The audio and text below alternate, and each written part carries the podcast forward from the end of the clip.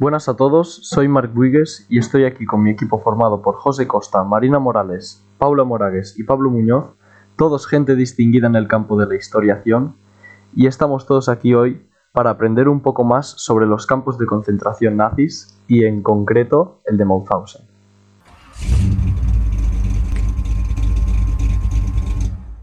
Terminada la guerra civil en 1939, miles de españoles se vieron obligados a exiliarse fuera de la nación. De entre los principales países que estuvieron dispuestos a acoger los refugiados están tanto México y Estados Unidos al otro lado del Atlántico como, algo más cerca, Reino Unido y Francia, que se convertiría en un lugar del que exiliarse. Por otro lado, este mismo año 1939 empezaba, la que sería llamada Segunda Guerra Mundial. En esta se enfrentarían las potencias fascistas del eje, la Alemania nazi, la Italia de Mussolini y Japón, y las fuerzas aliadas, Gran Bretaña, Unión Soviética, Estados Unidos y Francia. Esta última era ocupada casi totalmente el 22 de junio de 1940 por Alemania. Debido a esto, todos aquellos que no pudieron huir fueron llevados a campos de concentración nazis. Así pues, los campos de concentración fueron la herramienta de tortura y de terror de la política nazi entre 1933 y 1945. Se crearon más de 40.000 campos que ocuparon el extenso conjunto de prisiones a lo largo de toda la Europa ocupada. El primer campo que se abrió fue Dachau, en marzo de 1933, para prisioneros políticos. Posteriormente se utilizó como un modelo para el sistema de campos de concentración ampliado y centralizado que administraban las SS. El propósito más importante de los primeros campos de concentración durante la década de 1930 fue el de apresar e intimidar a los líderes de los movimientos políticos, sociales y culturales que los nazis percibían como una amenaza para la supervivencia del régimen, y a quienes consideraban de raza inferior o inaceptables desde el punto de vista político. Respecto a los republicanos españoles, como bien hemos dicho anteriormente, las presiones del gobierno francés para librarse de los que consideraban rojos indeseables, en lugar de proporcionarles refugio, derivaron en retornos forzados a España, dispersión de mujeres y niños en diferentes lugares de la geografía francesa y alistamientos en unidades militares, para los hombres como la Legión extranjera, los batallones de marcha o las compañías de trabajadores extranjeros. Tras la invasión aliada de Normandía en junio de 1944, los alemanes vaciaron las prisiones de Francia y enviaron a los condenados en los campos nazis. Así pues, entramos en el campo de Mauthausen, en el cual fueron deportadas casi 200.000 personas, los primeros prisioneros llegaron desde el campo de Dachau el 8 de agosto de 1938. Al finalizar el año habían sido transferidos unos 800 presos, más de este campo, y de Sachsenhausen, la mayor parte, disidentes políticos. Hitler mandó detener a vagabundos, mendigos, gitanos y gente sin residencia fija, homosexuales y criminales comunes. De esta forma, en agosto de 1939, la población reclusa de Mauthausen ascendía a unos 2.700 hombres. Todos ellos trabajaban en la cantera, cuyas piedras se utilizaban para fortificar el propio campo, adoquinar las calles de numerosas ciudades austriacas y también para construir edificios ideados por Hitler. Mauthausen fue el campo nazi donde fueron deportados más republicanos españoles, 7.533 identificados actualmente. De estos, unos 5.000 hallaron la muerte durante su deportación la mayor parte en el campo de Gusen. Bajo el impacto de la guerra, el sistema de campos nazis creció rápidamente. Después de la invasión alemana de Polonia en septiembre de 1969, los nazis abrieron campos de trabajos forzados donde miles de prisioneros murieron de agotamiento y hambre. Y tras la invasión alemana de la Unión Soviética en 1941, los nazis aumentaron el número de campos de prisioneros de guerra. De hecho, algunos de los campos fueron construidos dentro de campos de concentración ya existentes. En 1942 los nazis abrieron Belzec, Sobibor y Treblinka para asesinar sistemáticamente a los judíos del gobierno general.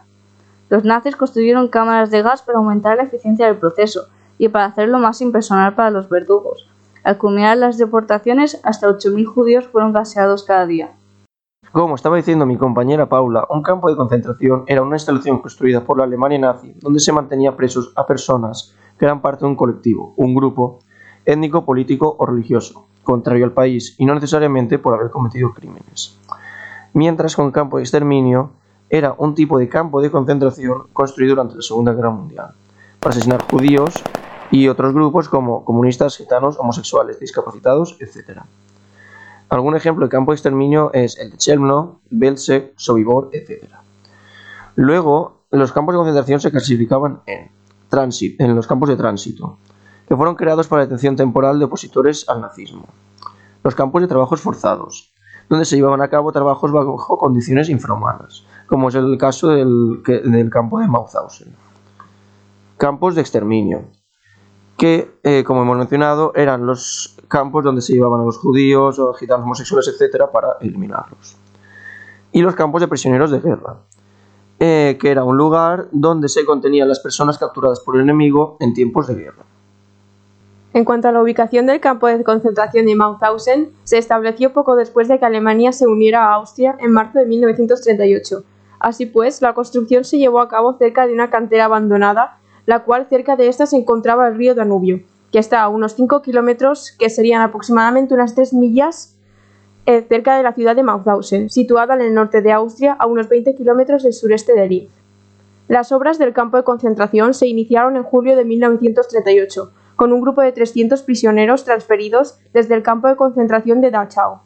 Ya a inicios del mes de octubre, Mauthausen ya constaba de unos 565 prisioneros, de los cuales la mayoría eran políticos y criminales comunes. Más adelante, en diciembre de 1939, la cantidad de prisioneros había incrementado a 2.772, de los cuales principalmente criminales, asociados, opositores políticos y objetores religiosos, incluyendo los testigos de Jehová. Posteriormente, también comenzaron a ingresar en Mauthausen opositores antinazis de los países ocupados, así como militares británicos y americanos.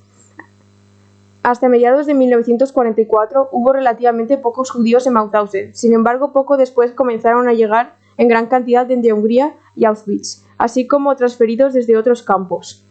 Mauthausen llegó a constar de tres secciones principales. La primera sería el campo primero, que simplemente era un campo regular. En segundo lugar, el campo segundo, que se trataba del área de talleres de campo, donde los prisioneros realizaban trabajos forzados para empresas y proyectos de la SS. En cuanto al campo 3, un campo de cuarentena construido a principios de 1944 para mantener a los prisioneros recién llegados aislados de los demás prisioneros. A lo largo del muro exterior, frente a la explanada destinada a pasar lista, habían, habían varios edificios de piedra destinados a servicios del campo como cocina, duchas y lavandería. La prisión del campamento y la cámara de gas, esta última construida probablemente a mediados de 1941, también se encontraba en estos edificios.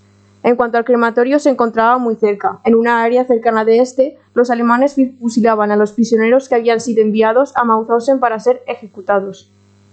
Respecto a lo dicho anteriormente, los prisioneros de los campos de concentración, como gitanos y homosexuales, eran primero rapados luego tatuados y finalmente seleccionados mediante triángulos invertidos de diferentes colores. Por ejemplo, el triángulo invertido verde señalaba a los criminales, el rojo a los políticos, el negro a los asociales, el rosa a los homosexuales, y los prisioneros eran marcados mediante la primera letra de su país.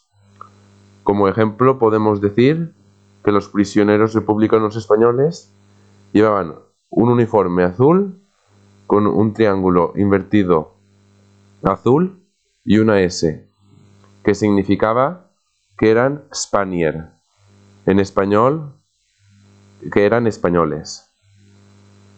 Finalmente, los judíos, la clase más baja de toda la jerarquía, eran señalados mediante una estrella de David amarilla por toda Europa, así ser reconocidos. Bueno, hasta aquí el podcast. Mi equipo y yo esperamos que os haya gustado y que hayáis aprendido algo más sobre Mauthausen y los campos de concentración.